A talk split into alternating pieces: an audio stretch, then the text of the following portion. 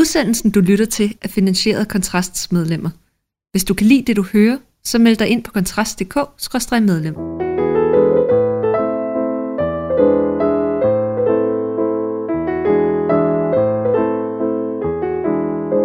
Det går simpelthen fantastisk med integrationen. Særligt de unge indvandrerpiger stormer ind på uddannelserne, og beskæftigelsen blandt indvandrere stiger stødt, og flere og flere med efterkommer eller indvandrerbaggrund dukker op i den offentlige debat. Den fortælling kan man læse i de fleste medier, ofte bakket op af et offentligt finansieret forskning eller undersøgelser, der understøtter det glædelige budskab. Men det er for simpelt at stille op på den måde. Det mener min gæst i dag. Velkommen til dig, Henrik Kokborg. Tak skal du have. Hvorfor er det for simpelt at stille op på den måde? Jamen, fordi selvfølgelig går det bedre med integrationen, med alle de midler, vi har brugt på det, og alle de indsatser, der har været igennem øh, øh, ja, de seneste årtier. Øh, der skulle det forhåbentlig også gå lidt bedre, men øh, det er lidt mere broet end som sådan. Nogen stormer frem på uddannelserne, andre gør ikke. Det skal vi snakke om i den kommende lille times tid, og inden vi øh, går videre, så skal jeg måske lige præsentere mit gæst lidt mere udførligt. Henrik Kokborg har i knap et kvart århundrede arbejdet med integration i primært Aarhus. Som socialpædagog øh, har han arbejdet med kriminelle minoritetsunge på døgninstitutioner. Han har rådgivet lokalpolitikere samt kommunale indsatser, og mest af alt undervist dem i de kulturelle og religiøse aspekter af integrationsarbejdet. Og som en slags autodidakt antropolog, så har han også foretaget feltarbejde på over mere end 20 rejser i Mellemøstens konfliktområder. Og i dag så er han direktør for firmaet Integrationsinfo, hvor han med egne ord har en slags monopol på kulturelle forklaringer på mislykket integration. Og Henrik, hvorfor er du den eneste, der åbenbart beskæftiger sig, i hvert fald ifølge din egen udlægning, med de kulturelle øh, årsager til mislykket integration? Jamen, det er også en stor gåde for mig, fordi det er øh, for mig indløsende, at øh, kultur og religion har en indflydelse på integrationsprocessen. Øh, og, øh, men i alle de år, jeg har beskæftiget mig med nu har jeg haft firmaet i 12 år og undervist fagfolk i 12 år, der har jeg aldrig stødt på andre, der har gjort det endnu. Øh, øh, men for mig, der, der er det en stor del af årsagsforklaringen til den dårlige integration, øh, den er at finde i øh, kulturelle og religiøse forskelle. Og, og nu kan man sige, nu har du arbejdet inden for det her integrationsområde, som jeg nævnte i knap et kvart århundrede, lidt mere præcis 23 år, men kan du prøve at fortælle, altså den her integrationsbranche, hvad er det egentlig for en række aktører, vi taler om, når vi, når vi ligesom øh, øh taler om det? Jamen, jeg har lidt svært ved at få øje på branchen. Altså, der er jo en masse øh, organisationer, som ligesom øh, er på banen. Nogle af dem er jo humanitære organisationer, Dansk Flygtningehjælp for eksempel. De hjælper flygtningen. Det er jo ikke, fordi de hjælper samfundet med integration. Det er jo ikke det, de er sat i verden til. Så de taler flygtningenes sag. Øh, med, ofte mod systemet, øh, hvis der er udvisninger osv. Det samme med Røde Kors og hvad vi ellers har. Øh, så har vi nogle institutioner, nogle forskningsmæssige institutioner, som forsker for, for samfundet osv. Øh, men ellers er der ikke så mange igen. Der er jo øh, nogen, der arbejder med integration øh, i form af institutioner osv., men, men det er jo ikke nogen, der sådan, øh, øh, kan man sige, øh, er aktør på den måde. Nu, nu nævner du selv, at du, du er sådan øh, den eneste, der beskæftiger sig med de her kulturelle forklaringer på mislykket integration. Hvad er det så for nogle perspektiver, som, som andre aktører arbejder ud fra, hvis du skulle prøve sådan at opsummere det? Jamen der, hvor jeg synes, den helt store forskel er, det er i forhold til øh, årsagsforklaringerne til integrationen. Vi er et samfund, hvor vi... Øh, vi kigger meget på os selv hele tiden. Vi reflekterer over vores egen øh, andel af tingene. Øh, det her med, at når man peger fingre af nogen, så skal man altid huske, at der er tre, der peger på en selv. Og det gør, at primært de årsagsforklaringer, vi prøver at finde på den dårlige integration, dem leder vi efter ved os selv. Øh, og derfor kigger vi jo meget på diskrimination, racisme osv., og andre, øh, hvis vi endelig skal pege over på øh, dem, vi egentlig vil blive bedre til at arbejde med, jamen så er det tit og ofte eksilstress eller traumer, øh, der gør det. Og, men øh, kulturen, den har vi ikke sådan, øh, det er ikke særlig, øh, øh, hvad hedder det, populært at pege på den som en årsagsforklaring. Og, øh, og derfor er der ikke ret mange, tror jeg, der beskæftiger sig med det. Og når, når, vi, når du taler om kultur, bare lige for at få det helt på det rene, hvordan afgrænser du det så, da jeg antager, at det er sådan, sådan, hvad skal man kalde det, sådan den rent kulturelle fairness, eller taler vi også om islam som for eksempel religion, det vil være Jamen, ret oplagt?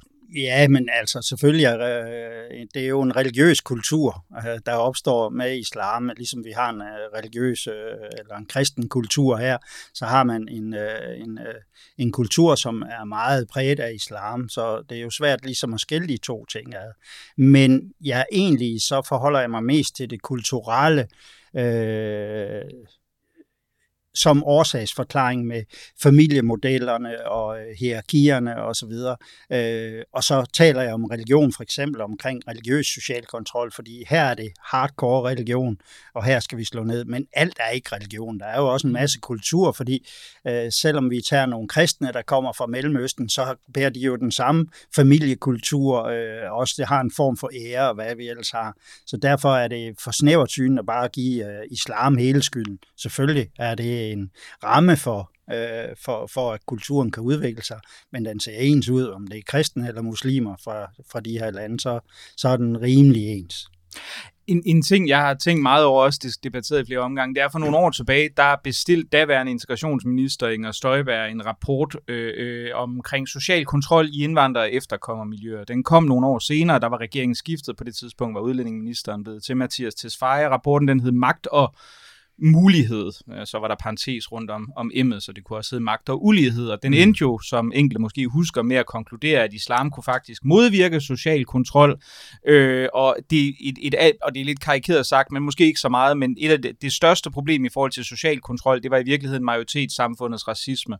Man kunne faktisk bruge for eksempel, mener sågar, at de sagde genopdragelsesrejser, det vi i hvert fald normalt kalder, det også kunne have en, en form for positivt sigte i det her sammenhæng for mig at se står det, og det er i hvert fald ofte blevet fremhævet i debatten som værende sådan det, det primære eksempel på, hvordan man fra forskningsmæssig side underkender kultur som en, hvad kan man sige, en forklaringskraft i forhold til sociale problemer og parallelt samfund. Er du øh, enig i det, hvis øh, du ser tilbage på hele balladen omkring rapporten? Jamen, jeg, jeg, jeg ser det lidt som, altså det, der skete dengang, og den måde, øh, rapporten er lavet på, det er for mig en af de her, hvor man øh, øh, ikke rigtig har sat sig ind i, hvad er det for noget, vi skal undersøge. Øh, fordi hvad er det for en kultur, at vi snakker om det her? Øh, så går man ud og bruger en metode, hvor man går ud og jeg tror, de kalder snowball, øh, hvor man går ud og finder en eller to, og så, bruger, så bliver, får de til opgave at finde nogen i deres netværk, som man kan interviewe også. Og det vil sige, at man får en ekstrem homogen gruppe, og når man har spurgt en religiøs, øh, person, så får man andre religiøse, fordi det er jo selvfølgelig der, hvor netværket er. Og øh, det er jo ikke underligt, at en religiøs peger på religionen som sin frelser øh, for løsningen på alting. Det har vi jo hørt altid. Så, øh, så på den måde, så er det jo, jeg synes, det er en fordummende øh, kan man sige, øh, måde at forske på, fordi at den giver, gør os ikke klogere, altså den, øh, den, den er ligegyldig. Øh, vi skal jo ind og se på, hvorfor er det, at øh, Hvorfor er det, at de her øh, social kontrol foregår, øh, og så videre. Og for eksempel omkring social kontrol, så er jeg så ærgerlig øh, over, at man i mange år kun har snakket som social kontrol, noget, hvor kvinden er offeret, og manden han er krænkeren. Så det er kvinderne, det er synd for, og mændene, de er nogle svin, for at sige det mildt ud. Og det er så ærgerligt, fordi social kontrol går ud over alle social kontrol øh, i øh, parallelsamfundene, det bliver til negativ social kontrol, fordi det har til formål at holde folk fra at blive en del af det danske samfund. Og det er det, der gør den negativ. Og den rammer også mændene. Altså, det er, den rammer familien, den rammer bredt. Det er en kollektiv straf, hver gang nogen bliver øh, udskammet i de her miljøer. Så rammer det alle, der bærer det her familienavn. Øh, og, og derfor er det altså det, man skal være klar over sådan nogle ting, når man går ud og laver de her undersøgelser. Jeg kan også huske, at jeg så et, hvor en kvinde øh, var ved at skrive en Ph.D. omkring social kontrol, og der havde hun siddet ude på et krisecenter og interviewet alle de her øh, kvinder, der var flygtet fra familien. Øh, og det svarer lidt til at stille sig ud på en skadestue, hvis man forsker i trafik, og så forsker, øh, udspørger alle dem, der er kørt galt. Altså, der er så mange andre ting, end lige det, der går ud over her. Det er nede i de små. Vi ser det i institutioner, vi ser det i skoler, vi ser overalt den her negative social kontrol. Det er et kæmpe problem. Prøv, prøv at sætte nogle flere ord på, hvordan det kommer til udmyndning, fordi nu kan man sige krisecenteren, som du ser, ja, det er måske det mest oplagt top med ja, isbjerg, men i, i hvilke andre henseender jamen, ser man øh, det? Hvis, vi ser det i uh, dagtilbud, for eksempel 0 til 6 års område, hvor børnene, der er religiøst opdraget, de render rundt og retleder hinanden. Oh, du er pige, du må ikke have korte ærmer, du må ikke tage dine bukser af, fordi vi leger, du sveder, øh, du må ikke spise det der, og så udskammer man hinanden, og det ser vi også op. Vi har lige haft en række øh, oplæg på gymnasier og VUC-centre osv., at det, det følger med hele vejen op, øh, og det gør, at de religiøse øh, øh, via øh, negativ social kontrol, religiøs social kontrol, de kommer til at styre læringsrummene rundt omkring. De kommer til at styre alt, fordi øh, hvis man skal forstå den her, kult, eller den her religiøse social kontrol, så, så hænger meget tæt sammen med familieære. Familieæren, det er sådan værdien, øh, familiens værdi, den placerer en ind på en, øh, en, en, ind på en øh, rangstige, øh, hvor man er placeret i forhold til samfundsordenen osv., den giver status og anerkendelse. Og øh, der er to ting, der kan skade øh, familiens ære rigtig, rigtig meget. Det er, øh, hvis familien ikke er i stand til at holde kan man sige, pigerne i de her familier øh, rygtesfri, øh, øh, hvis de mister, mister deres mødom osv. Øh, og så hvis nogen forlader islam eller taler dårligt om det. Nu har vi hele det her omkring afbrændingerne. Øh, folk kan jo ikke gå ud ligesom at, at sige noget omkring det her, hvis man er en del af det muslimske miljø, eller sige, jamen det er da i orden, man brænder det af, vi har ytringsfrihed osv., fordi så vil netværket øh, straffe dem via sladder og sådan noget, og så rammer det ikke bare individet, det er det, vi skal forstå, og det er det, forskeren skal forstå. Det rammer aldrig individet, det rammer kollektiv hele familien, og derfor har ingen interesse i at sige noget offentligt. Men hvordan kan det være, at man, altså det, det synes jeg jo, det er jo ikke specielt, og det er jo i øvrigt, som du også selv anfører øh, sådan et, lidt tidligere, det er jo ikke noget, der er, er sådan unikt for muslimske kulturer, altså sådan kollektive æresbegreber har vi jo også set i forskellige europæiske kulturer, okay. op igennem historien, der er ikke noget specielt odiøst ved det, men det er jo, som, som du selv anfører, også en stærk sådan motiverende øh, ting i forhold til social kontrol. Hvorfor er man ikke opmærksom på det, noget så relativt indlysende? Jamen, jeg tror, at vi er, som samfund og som danskere, vi er opdraget til, at, øh, at alle er ligesom os. Vi har svært ved at forstå, at nogen kan tænke anderledes. Og øh, vi er vokset op i et sæt danske kulturelle sko, der gør, at vi ser verden på en helt bestemt dansk måde. Og vi har masser af kulturelle sandheder, som man ikke har andre steder i verden. Øh, så bare som et lille eksempel. Prøv at se den her rugbrødsfantisme. Ikke? Rugbrød, det er sundt hvidt brød er usundt. Det er sådan en sort-hvid tankegang, vi har om det. Men hvis vi tænker os bare en lille smule om, hvor mange steder i verden kan man få rugbrød? Vi er under en promille af verdens befolkning, der, der spiser rugbrød. Men her der er det en sandhed, at sådan er det. Og sådan har vi det med alting. Altså vores kulturelle sko er fyldt op med så meget formel viden og tavsviden. Øh, og det er det, vi møder folk med. Øh, vi er aldrig over på grund af det her med at pege fingre, det må vi helst ikke, så vi har aldrig rigtig sat os ordentligt ind i, hvem er det, vi står over for? Hvad er det for nogle, øh, hvad har formet dem? Øh, hvad er det for en opdragelse, den har været? Fordi det hele, det kommer jo fra opdragelsen, uanset hvordan vi vender og drejer det. Og der, der, der er der bare, øh, der har man bare, øh, jeg tror for mange forskere, så er det alt, alt for svært og for langsomligt at gå ind i kulturen, fordi hvad skal vi tage og føle på? Men der er vel også et eller andet med, at, at man kan sige, vi er jo vant til, også i alle mulige andre sammenhænge, at, at henføre øh, mange problemer i samfundet til socioøkonomiske faktorer. Ja. Det er jo ligesom det, der er. Og her kan man så sige, her bliver så bygget ovenpå i forhold til sådan det, det man skal kalde en, i hvert fald ofte gentaget fortælling om, at der er så også noget racisme, måske sågar noget postkolonialisme, som, en eller anden, som i en eller anden grund radikaliserer de her minoritetssamfund, som og det har så ikke noget i den udlægning noget med hverken ære, kollektiv øh, æresbegreber eller noget andet at gøre. Hvordan kan det være, at, at man kan sige, særligt i, blandt professionelle og forskere, der, der arbejder med det, at det er den fortælling, man griber ud efter? Jeg tror, det er, fordi den er let, og den bliver spist over i miljøet. Altså, øh, hvis, hvis jeg siger øh, de her ting, jeg nu gør her, øh, og sidder ude blandt mine minoritetsvenner og siger dem de er så direkte, jamen så vil de jo også reagere på det ved at blive lidt sure og fornærmet og alt det her, fordi øh, jeg kritiserer jo et eller andet sted nogle ting ved deres kultur eller religion. Og, øh, og hvis man skal arbejde med minoriteter, det er uanset om man er socialrådgiver eller sådan noget, så er det noget relationssport, og det er det også for øh, forskerne.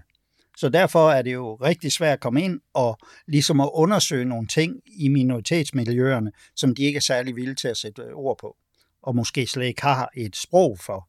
Øh, men det har de, de har helt sikkert et religiøst sprog. Det er, det er meget i talsat, ikke? Men, men det er vel også, jeg kan huske, jeg, jeg, jeg skrev en bog om, om dansk mm. integrationspolitik og, øh, og hvad der er sket siden 80'erne. Jeg, jeg kan huske, at når man går tilbage og kigger på mange af de udmeldinger, der kom fra politikere tilbage i slut 80'erne, så havde man jo den her idé om, at hvad kan man sige, at kultur var sådan en slags overfladisk fernis, der sådan gradvist ville blive skrabet af, øh, fordi så kom folk til Danmark op, der at parlamentarisk demokrati, ligestilling, ytringsfrihed osv., det var super fine idéer, og så kunne der blive sådan noget spraglet tøj og måske nogle lækre madretter tilbage, som ligesom var, var det oprindelige. Ikke? Og der må man jo sige, det, det, vi står jo et lidt andet sted nu, men det virker vel stadigvæk som om, at der, der på en eller anden måde er den her idé om kulturen som, som ikke eksisterende. Altså der er sådan en, en slags rest, der stadigvæk også er i fagmiljøerne. Jamen, det her øh, med øh, de socioøkonomiske faktorer og så videre, altså det passer jo rigtig godt til vores sko, fordi skal vi kigge på noget social udsathed ved hos danskere, så passer de her øh, parametre rigtig godt, og dem kan vi sætte ind, men man kan jo også stille sig det spørgsmål og sige, mm, øh, hvis for eksempel den her, en familie bonger ud på de socioøkonomiske faktorer, jamen skyldes det så de ting, som vi rend, øh, normalt render rundt og siger, det kan jo også godt skyldes, at øh, vedkommende øh, for eksempel er imod, at man må låne penge til en bolig, derfor øh, sætter man sig i et øh, socialt boligområde, fordi dem, man deler værdier og normer med, de bor der. Øh, der er billigt, der er... Øh, der er masser af tilbud til børnene. Øh, konen går måske derhjemme, så derfor bonger de ud øh, på at ikke have så stor en husstandsindkomst osv. Så, videre, og så, videre. så der ligger en masse kulturelle, religiøse forklaringer af det. Og sådan en ting, som mange... Øh, øh, jeg griner lidt af den nogle gange, når jeg er ude og, og holde oplæg for boligforeninger, fordi vi ser de her udsatte boligområder, de har ikke så godt et ry blandt os. Vi tænker det som sådan noget social udsathed, og det skal man helst øh, hvis man er dansker, ikke bo i, fordi øh, det er lidt sølv og sådan noget. Men i virkeligheden, så repræsenterer de her boligområder jo den største luksus for dem, der bor derinde. Man skal tænke på, at de kommer fra lande. Hvis man kigger på, øh, hvem der bor sådan i de lande, hvor de kommer fra, så er det jo de ultrarigeste, der bor sådan, hvor man har folk til at gå og rydde op efter sig, slå græsplæner, holde de grønne områder, vaske trapperne, og øh, der er en visevært, der kommer op og hjælper en, hvis der er problemer og sådan noget. Det kan man jo kun drømme om. Det repræsenterer den vildeste luksus, så når man tager billeder af de områder og fortæller dem til sin familie og sådan noget, så tror de jo, at man er så svimlende rig, fordi det er jo det billede, man har dernede. Så det er jo også sådan et par, altså det kommer an på de sko, vi står og betragter problemerne på. Og der synes jeg bare, at forskerne, de øh, mange gange trænger til at komme lidt ud af deres sko og prøve at kigge, hvorfor reagerer folk, som de gør. Og kigge lidt efter svar over øh, ved dem, de undersøger, i stedet for at høre på dem, hvad de selv siger indledningsvis, der nævnte jeg jo det, den her, den her hyppigt øh, gentaget fortælling om, at øh, særligt for de her yngre indvandrerkvinder, der, der går det faktisk rigtig godt, og det er også korrekt, der er, der er jo flere, der kommer ind på videregående uddannelser, der er flere, der færdiggør en gymnasial uddannelse, og deres karakter gennemsnit stiger også. Øhm, og så kommer du så og siger, du har sågar skrevet en kronik om det i Weekendavisen, hvor du problematiserer det og siger, ja, men det er altså ikke så entydigt positivt. Der sidder jeg og tænker lidt, der må man vel også sådan som indvandrer sidde og tænke, er det nu også galt? Altså nu går det meget ja, lige godt. præcis. Og det kan jeg godt forstå, de tænker. Øh, men, men altså den måde, jeg, jeg går til øh, vores integrationsproblemer, øh, eller udfordringer, eller hvad man vælger at kalde dem, øh, det er jo ved, at øh, jeg deler vores flygtninge og indvandrere op i to grupper. Den første, den kalder jeg den fleksibel gruppe, og den, øh, den er, den er kendetegnet ved, at den er fleksibel i forhold til kultur og religion. Og det vil sige, de ved godt, de er kommet til et land, som fungerer øh, efter helt anderledes normer og værdier, end de er vant til.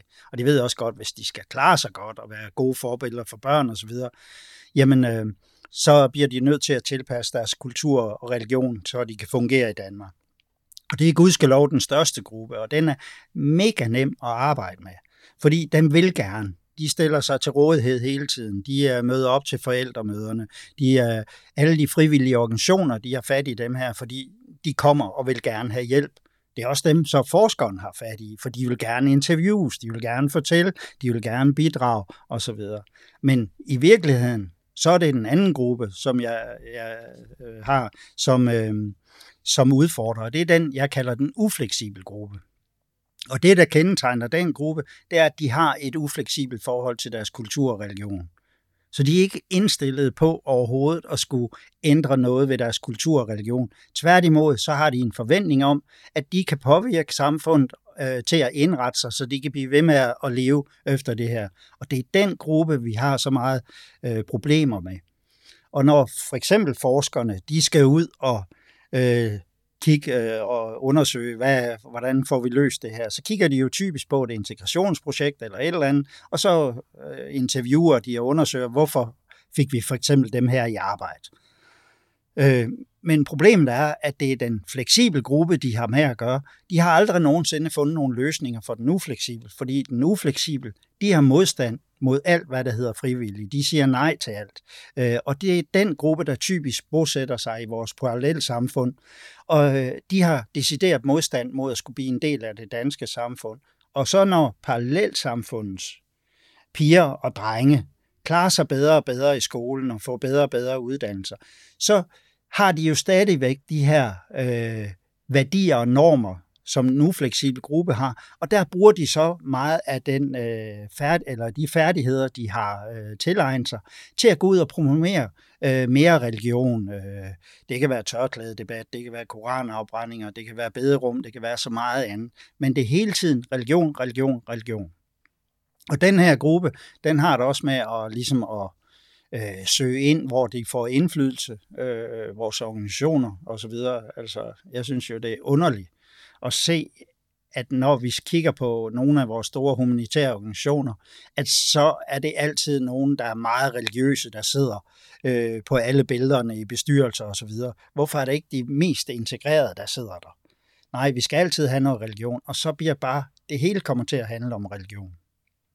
Men der er vel også, altså hvis man sige, det er jo ikke noget, der har været så aktuelt her i Danmark måske, men i Sverige har du jo en diskussion om, at det kan være et problem, at der kommer både i forhold til social kontrol, men også i forhold til sådan mere, mere religiøs prægning, at man kan sige, at, at en del af de her sådan, altså for eksempel i for, for, det kunne være socialrådgiver, det kunne være lokalpolitikere, det kunne være forskellige andre, som i praksis altså bedriver en form for religiøs eller social kontrol baseret på de jobfunktioner, som de sidder i øh, i, i sådan samfundet? Jamen, det, vi har akkurat de samme problemer her. Altså, jeg, jeg, jeg, jeg underviser fagfolk og arbejdspladser osv., og, så videre. og det er ikke så meget under selv mine oplæg, jeg hører om det, men det er gerne i pauserne, øh, både for ledere og medarbejdere, hvordan at øh, når parallelsamfundets værdier og normer flytter ind på arbejdspladserne, så fører det til social kontrol. I første omgang øh, blandt dem, som øh, minoriteterne selv, blandt minoritetsetniske medarbejdere, ikke? så kan det være, at man bliver bebrejdet, fordi at øh, man egentlig har lavet sin datter gifte sig med en, en, som ikke er muslim. Jamen, hvorfor gør du det? Det er haram, og så videre, og så videre. Så bliver man, så bliver man presset på den front inde på arbejdspladsen. Men vi ser det også øh, i forhold til forældresamarbejde, hvor de ligesom har en stor forståelse for øh, minoritetsforældres religiøse social kontrol og kulturelle social kontrol øh, med æresnormerne i spidsen, ikke? i stedet for at øh, arbejde ud for de frihedsrettigheder, som vi alle sammen egentlig er forpligtet til at arbejde ud fra. Hvordan vil det komme til udtryk, hvis vi nu tager en skolebestyrelse som et eksempel? Hvad, hvad vil man så sådan rent lavpraktisk sidde fra, fra de her ufleksible, som jeg antager, vi jamen snakker de, om? Hvordan vil de forsøge at arbejde igennem skolebestyrelsen? Jamen, de vil jo prøve at fjerne fokus fra de problemer, der er med den del af det. De vil prøve at normalisere de værdier og normer, øh, som er der, og det betyder, at hvis du så har et flertal, fordi det er jo demokrati, øh, så kommer de jo ind og tager magten. For eksempel, hvis man gerne vil sætte ind mod social kontrol eller genopdragelsesrejser, så kan den jo et eller andet sted øh, hæmme den øh, øh, indsats helt vildt ved at ikke at, at stemme for, at det er det, der skal være osv. Så, videre. så det er på mange planer altså, man kan jo sige, det lugter jo lidt hen af øh, det begreb, man i Frankrig har med det, det man kalder islamogorgisme, yeah. som er sådan, og det er lidt diffus, det, bliver, det bliver opfundet i, nu skal jeg have mine noter frem, af sociologen Pierre-André Taguieff i hans bog La Nouvelle Chodophobie, det udtaler jeg med sikkerhed forkert, men den er fra 2002. og der, der beskriver han det, det, han sådan overordnet kalder et samarbejde mellem venstrefløjen, sådan bredt betragter så islamister, hvor kolonialisme, racisme og kapitalisme, det er sådan ligesom at det, der er det onde i fortællingen, mens tørklæder og, og islam generelt præsenteres som sådan en frigørende kraft. Er det, sådan, er det den samme syntese, som, øh, som du oplever, eller hvad? Ja, i hvert fald øh, uh, parallelt samfund presser hårdt på, øh, på den der, især retorikken om det, ikke? Altså, øh, nu har vi lige i øjeblikket en tørklæde sag med en 11-årig pige, der er blevet bortvist. Øh, og her bruger man jo grundloven, at det er grundlovsstridigt, det er religionsfrihed og ytringsfrihed og hvad det ellers er. Men når vi så går, øh, øh går over til debatten om koranafbrændinger, jamen så øh, siger man ikke noget om de rettigheder øh, eller noget. De er helt, det er bare krænkende, det er forhåndende, og det er alt muligt andet.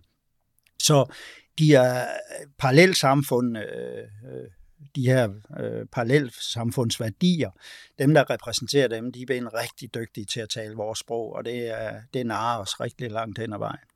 Så du siger grundlæggende set, at der er en masse af de her folk, som kommer ind på universiteterne, de lærer at tale, hvad skal man kalde det, sådan et, et altså iklæde nogle religiøse, eller religiøse ønsker, iklæde dem mere sekulære gevanter? Ja, ja, altså øh, for eksempel tørklæde, det er, en, det er en kvindefrihedskamp og alt sådan noget, og det kan jeg også godt argumentere for ved nogle af dem her, der er frivillige, fordi der er jo ingen tvivl om, at tørklædepigerne, de, de meget religiøse piger, øh, de har fået en langt større frihed, end deres mødre havde, på grund af deres religion.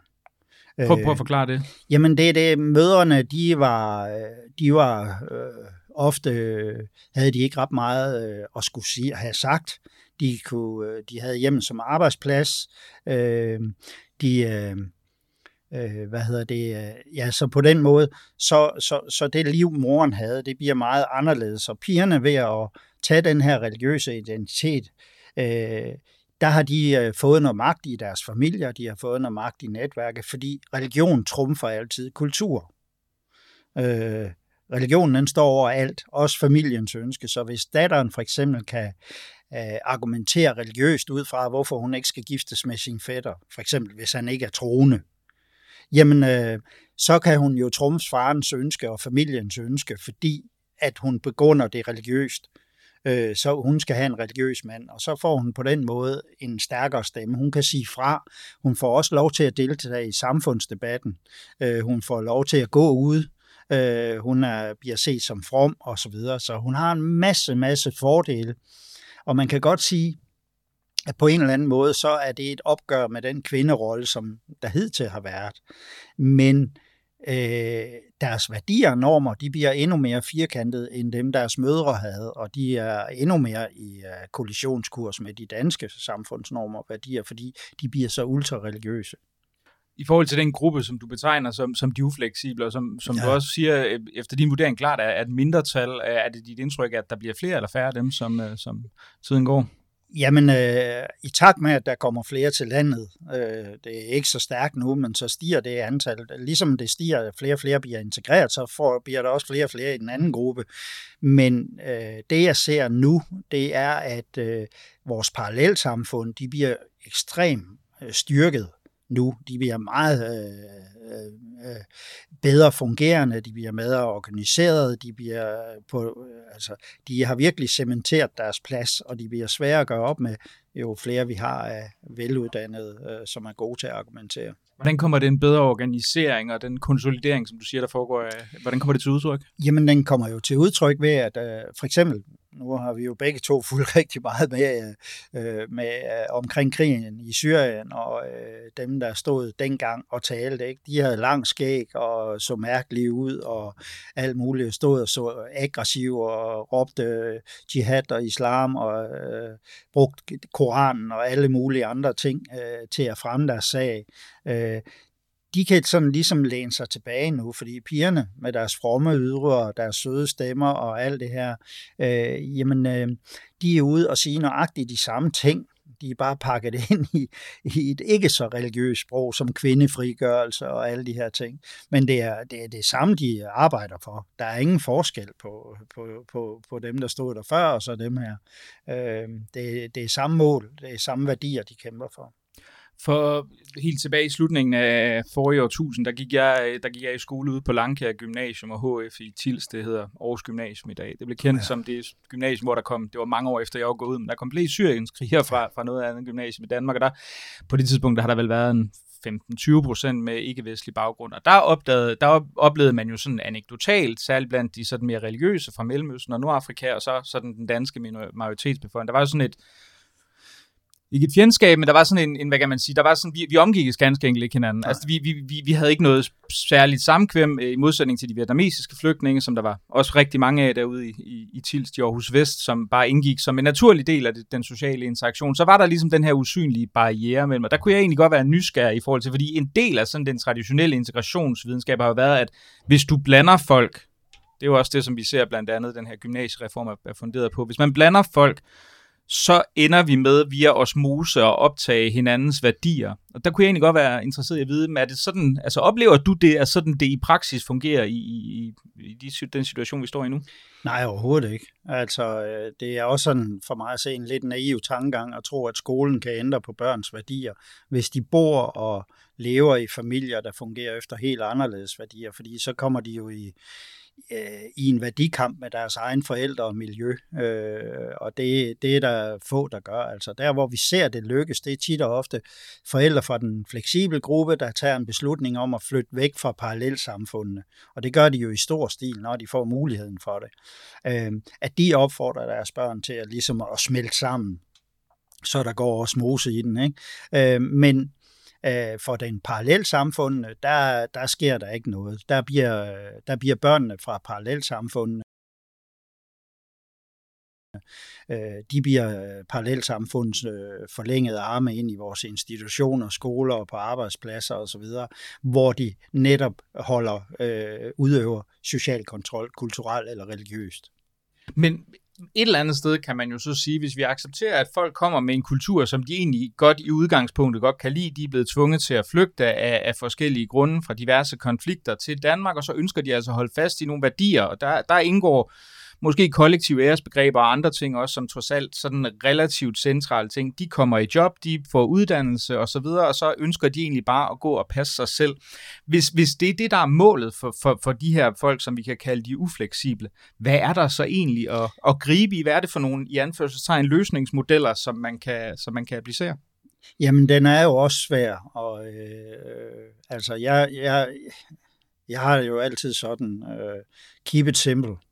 Øh, vi har en masse øh, frihedsrettigheder, vi har en masse lovgivning. Hvis vi bare begyndte at håndhæve det og sagde, at vores frihedsrettigheder de gælder for alle individer i Danmark, øh, så er det jo et eller andet sted rimelig nem at skride ind for over for i øh, skoler og i institutioner osv. Så, så for eksempel en dreng, der går hen og siger i børnehaven, at øh, til en pige, muslims pige, du må ikke øh, tage strømbukserne af, fordi du er en pige øh, og så videre. Ikke? Øh, der skal man jo gå ind og, der er jo både ligestillingen, der er overtrådt øh, ligeberettelse og, og religionsfrihed og alle de her ting. Så der skal man jo være skarp i at håndhæve, hey, det skal du ikke blande dig i, du stopper du, det er en privat ting. Øh, hvordan du har det hjemme, det er okay, men du skal ikke påføre det andre osv.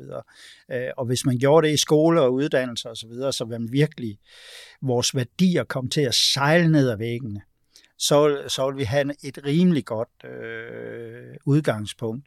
Men problemet er, at for os, der er frihedsrettighederne jo noget af den tavse viden, vi har.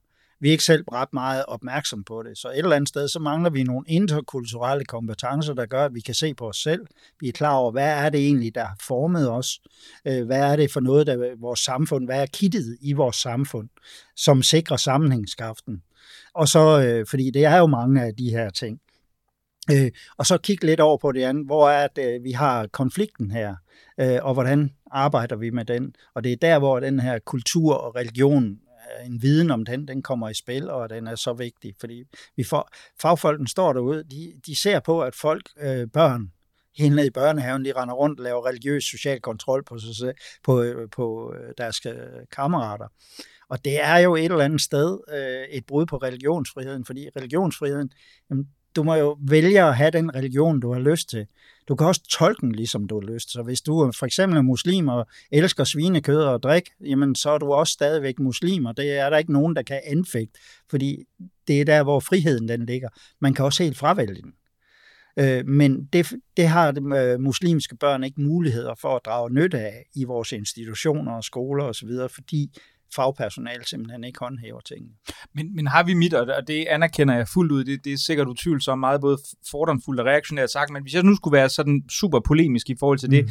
tror du så det er reelt, altså hvis vi kigger på, hvad det er, der foregår ude i de konkrete institutioner, min fordom om en masse pædagoger, vi jo være, nu har vi også siddet og anmeldt forskellige former for pædagogisk faglitteratur her i, på kontrast, mm. og der går man jo ind, og der er der jo en del af det at sige, at du må endelig ikke fælde dom over andre kulturer, fordi øh, det gør de jo på deres egen måde, og man har den her identitetspolitiske optik, som du lægger ned over det. Og hvor, vi, hvor man jo også vil gå ind og sige, jamen fra, altså fra, fra majoritetsdansk side vil det være utrolig nemt, særligt hvis du befinder dig et blødt sted på venstrefløjen, og så opfat et hvert forsøg på at gå ind og sige, at jamen vores frihedsrettigheder har faktisk forrang frem for andres kulturelle praksiser. Der, der har jeg sådan en idé om, tror du særlig mange folkeskolelærer eller særlig mange pædagoger vil være villige til at tage de konflikter, som jo kan være enormt opslidende? Ja, altså det jeg oplever, når jeg står derude og underviser, det er, at folk er helt blange på de her, på, dels på vores egen kultur, men også øh, i forhold til øh, dem, de har med at gøre, øh, hvad de har med i bagagen, og hvorfor de er formet sådan. Men lige snart de får en forståelse af, hvordan man er opdraget, og hvad for noget pres, der ligger der osv., jamen så, har, så møder jeg altid en stor forståelse og en velvillighed, og jeg ved, de arbejder, nu har jeg undervist i småbørnsområdet der, i de her 12 år, virkelig intensivt og har haft rigtig mange institutioner øh, i hænderne. Og der arbejder man med de her ting, og det jeg egentlig bare siger til dem, det er, at I skal prøve at se negativ social kontrol som mobning. Mm. Så har I en hel øh, øh manual, der står i jeres hylde, hvad I skal gøre, fordi øh, hvis andre går rundt og siger, du må ikke øh, være sådan, fordi du er pige, og jeg må ikke holde dig i hånden, fordi du er pige, og, og hvad det ellers er, jamen så er det brud på de her ting, og så er det jo en eksklusion, og det er alt muligt andet. Og der har vi via det her, øh, hvis man sidestiller med mobning, så har vi en forpligtelse som fagfolk, uanset om man er enig eller ej, til at bryde ind, fordi det skal vi gøre. Og øh, det har øh, fagfolkene en stor forståelse for, når de får forklaret. Problemet er, at man ikke lærer noget om andres kultur og hvordan man er opdraget osv. Så, øh, så man, man, man ser dem jo stadigvæk som om, de er ligesom os at en, en problematik, som jo sådan er, er, er utroligt tilbagevendende, altså det er jo den her sådan, hvad kan man sige, racisme, beskyldning, som der bliver, ser, ser ud til i nogen grad, det ved jeg ikke om er intentionelt eller ej, men i mange af de her debatter, så bliver det jo i hvert fald sådan næsten operationaliseret som et meget effektivt forsvar. Man ser det jo også i mange konflikter, sådan mere lavpraktiske og kriminelle, hvor sådan folk med etnisk baggrund råber racister efter folk og, og føler sig meget krænket på den her måde. Altså er det en offermentalitet, som er utrolig udbredt i, i, i de her miljøer, eller hvordan ser du det? Jamen jeg tror, hvis du kigger på den ufleksible gruppe, øh, så er det jo, så er dels så er der en offermentalitet, man får ind ved de, de fortællinger, men man har også fundet ud af, at de der øh, metoder, altså udskamning ved at kalde folk racister eller have slaveejermentalitet eller hvad det nu kan være, at de er enormt effektive. Fordi der er ikke nogen af os, der bryder os om det. Øh, der altså, jeg kan jo ikke forestille mig noget værre, end, øh, end hvis jeg virkelig bestempel som racist. Altså, øh, det gør helt ondt. Nu ved jeg, at jeg bevæger mig her i et felt, hvor man kan få den beskyldning en gang imellem. Og jeg ved gudskelov, at også at den kommer fra parallelsamfundet for at få mig til at klappe i.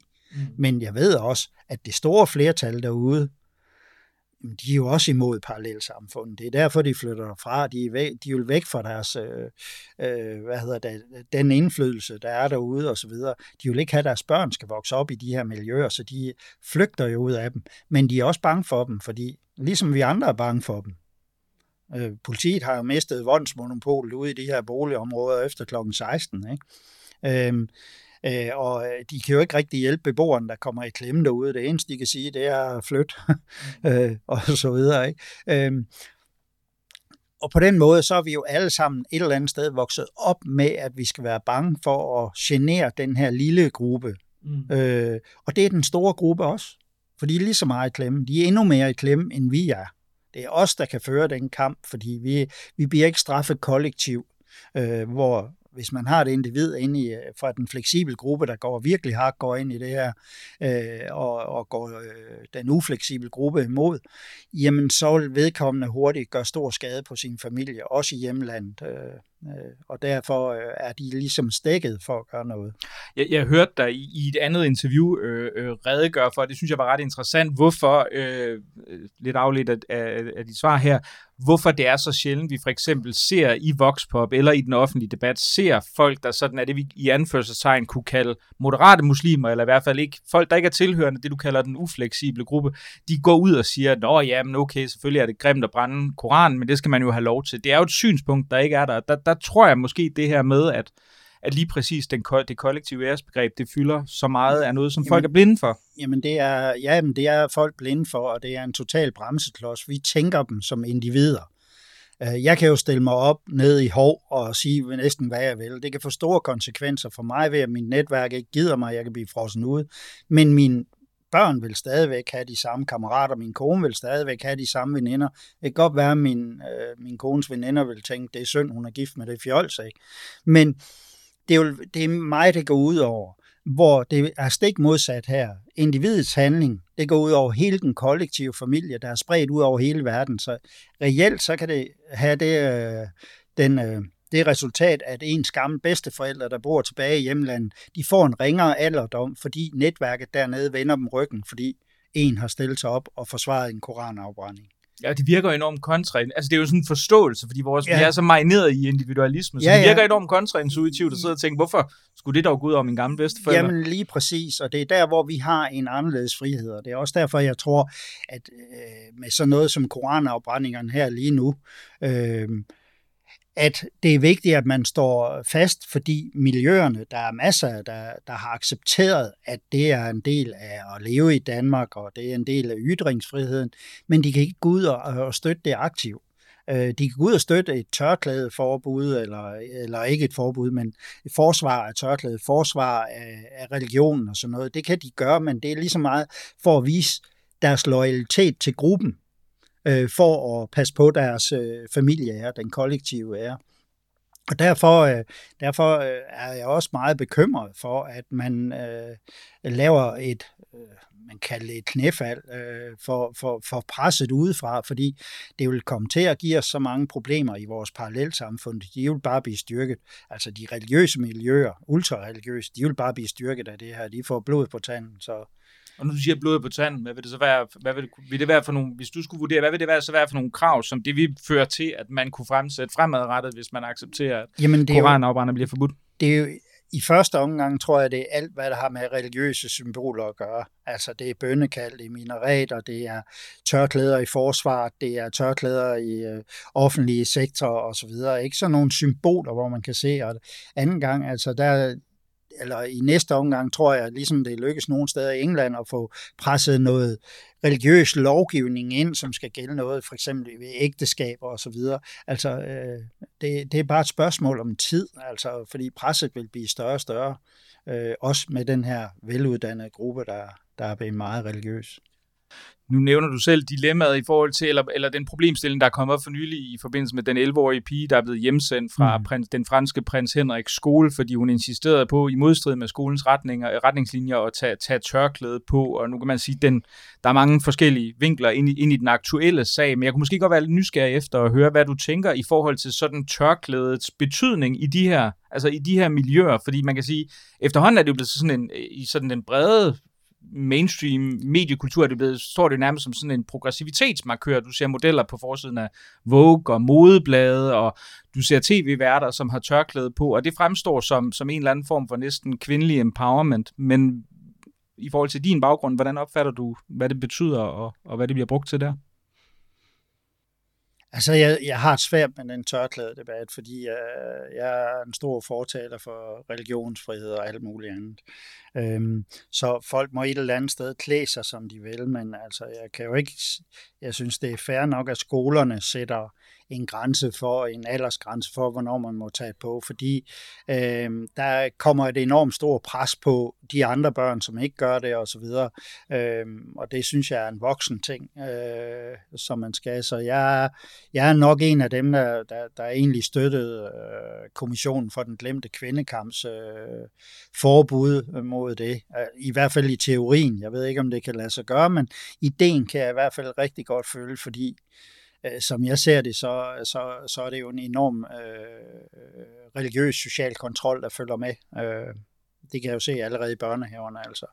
Den er jo, altså religiøse forældre opdrager deres børn religiøst. Øh, og, og det fører bare religiøs social kontrol med øh, blandt deres kammerater. Og sådan er det.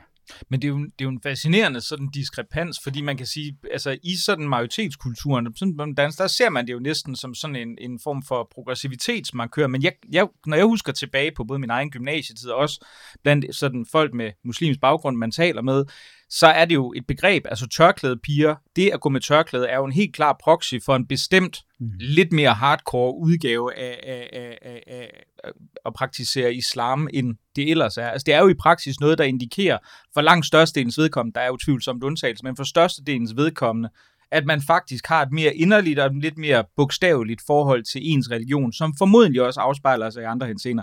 Jeg har for eksempel set meget få tørklæde piger, der drak alkohol, eller kysset på drengene til festerne, og man kunne finde på mange andre ting, ikke? Jo, jo, men det er helt klart, tørklædet øh, symboliserer og, og, og sender en masse signaler ud, både om familien og pigen her. Øh, og det sjove er, at når jeg nu har rejst i Mellemøsten og sådan noget, altså... Øh, det er jo ikke så mange, der render rundt med det der religiøse tørklæde, når man for eksempel er i Irak.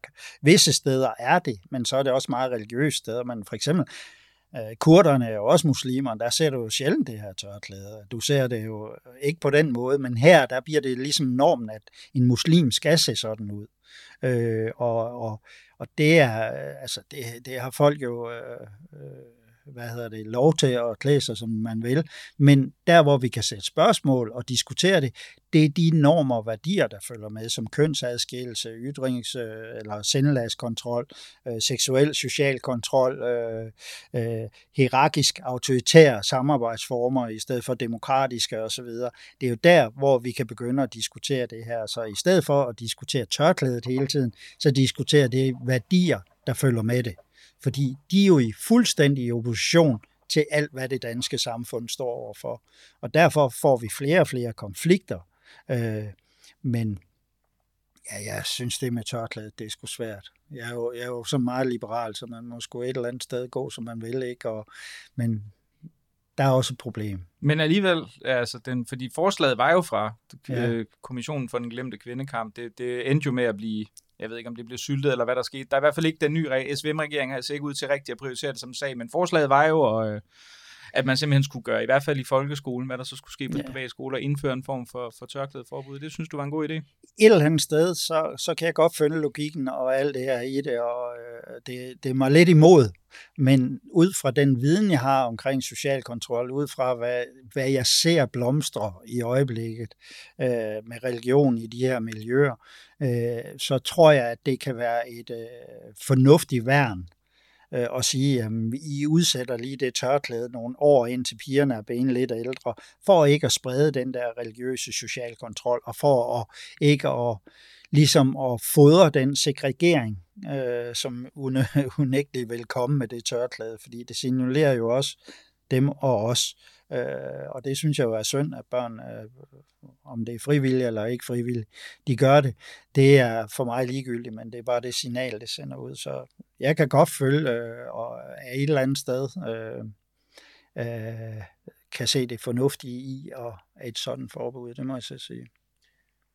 Øhm, nu nævnte du selv med, at du var sådan en, en, hvis ikke den eneste, i hvert fald en af meget få, der fokuserer på, på det her med sådan kulturen som kilde til, til eller som en medvirkende årsag til, til nogle af de her integrationsproblematikker. Kunne man måske godt sige, hvis vi sådan kigger lidt tilbage i tiden, der har jo været andre, der har sagt det samme. Jeg kunne nævne Eivind Hesselbo, vi kunne have Dominique Boucher, vi kunne tage Tina Magård, der har været enkelt andre. Og man må jo sige, at mange af dem fik hvis vi skal være pæne, en hård medfart i samtid, ja. samtiden. Der var en, en, en meget massiv øh, øh, opposition fra folk, der mente, at det var socioøkonomiske faktorer og kriminalitet, som forklarede, hvis ikke alle problemer, så i hvert fald langt de fleste, og, og efterfølgende har der da også været flere af dem, som, som måske ikke har blandet sig så forfærdeligt meget i den debat senere. Altså, er der sådan en form for, nu kunne jeg være polemisk og kalde det social kontrol, i forhold til, til det her, hvor man går ind og siger, at der er nogle emner, man ikke har lyst til at problematisere?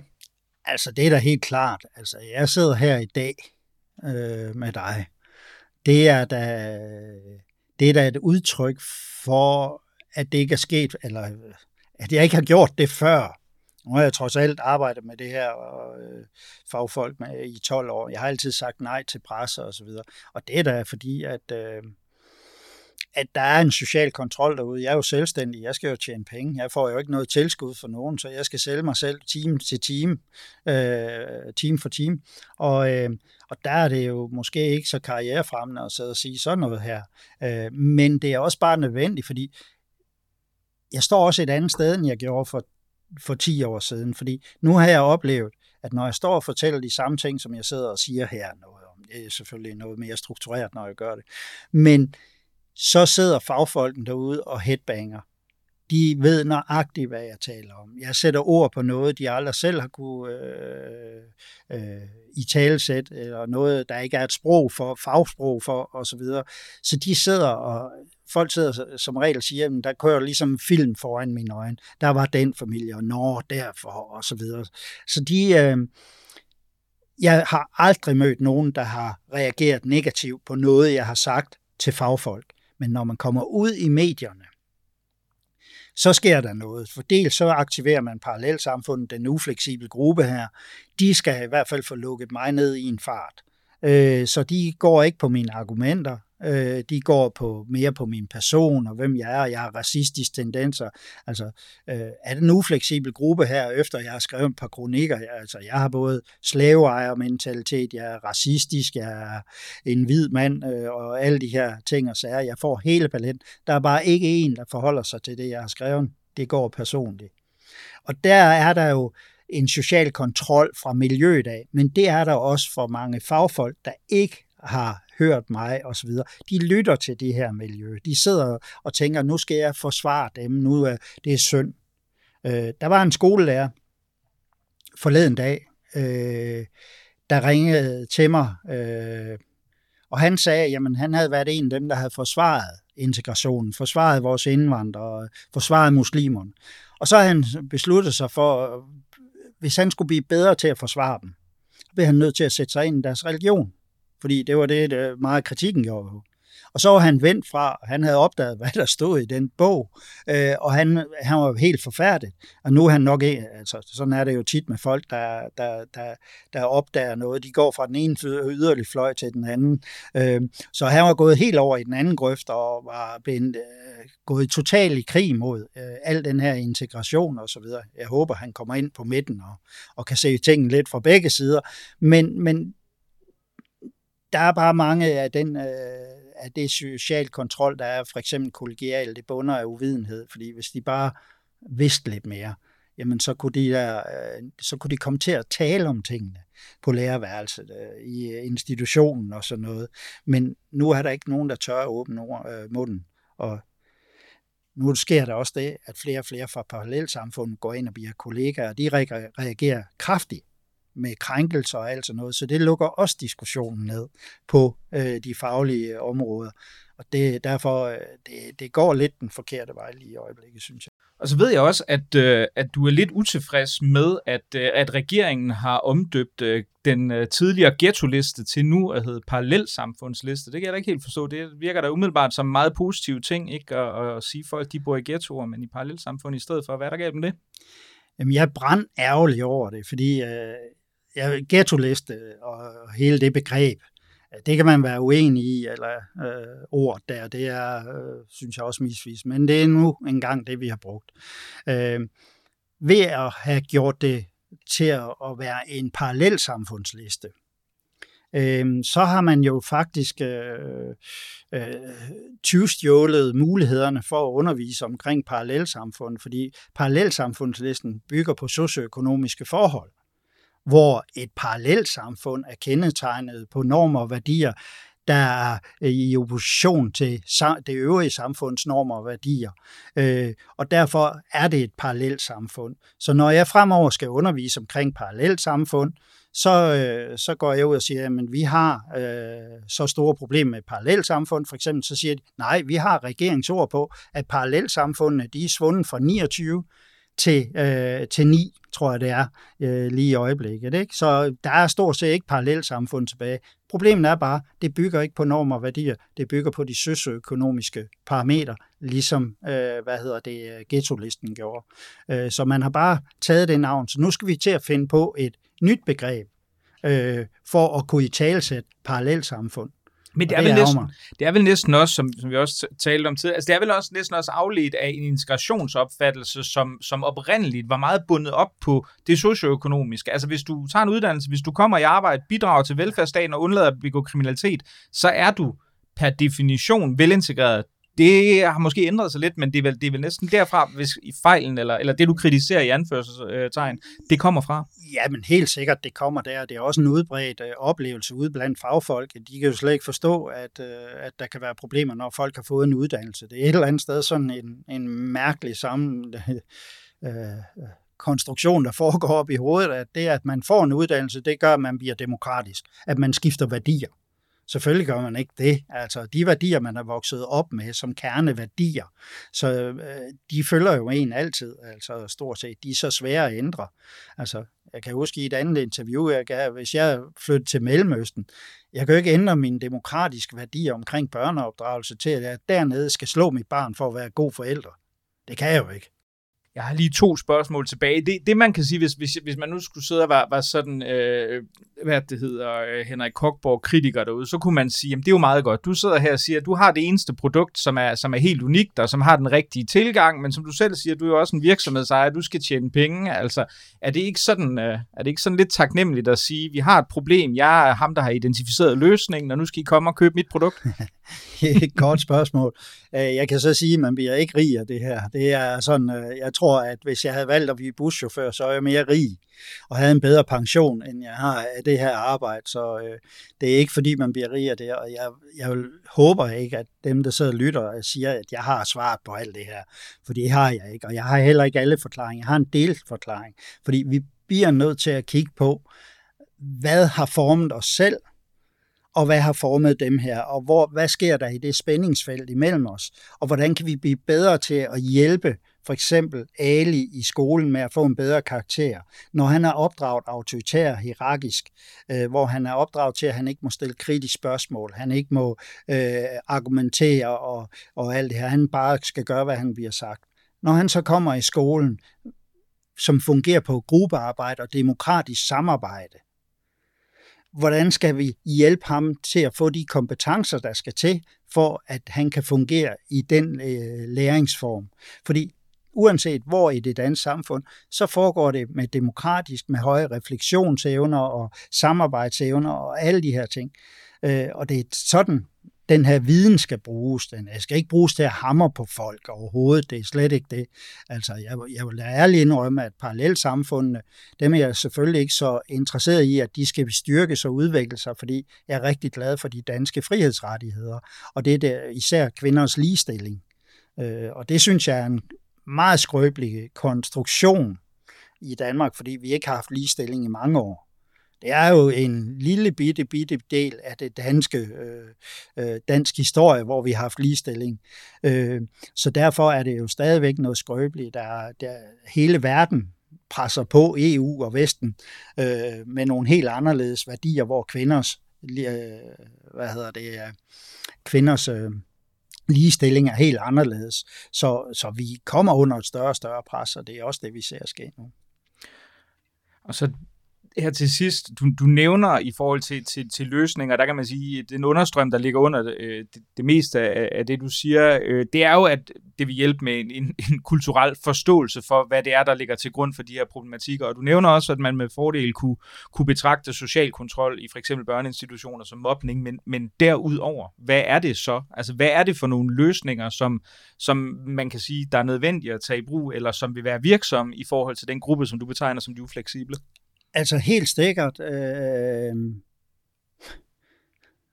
jeg så gerne, at regeringen de øh, droppede det her med at prøve at lempe lidt på vores ytringsfrihedsregler og begrænse øh, for eksempel de her ting, fordi det bliver kun set som sejr. Jeg synes, vi skal stå meget tydeligt på de her ting. Har du konkrete øh, eksempler på, hvordan det bliver set som sejr?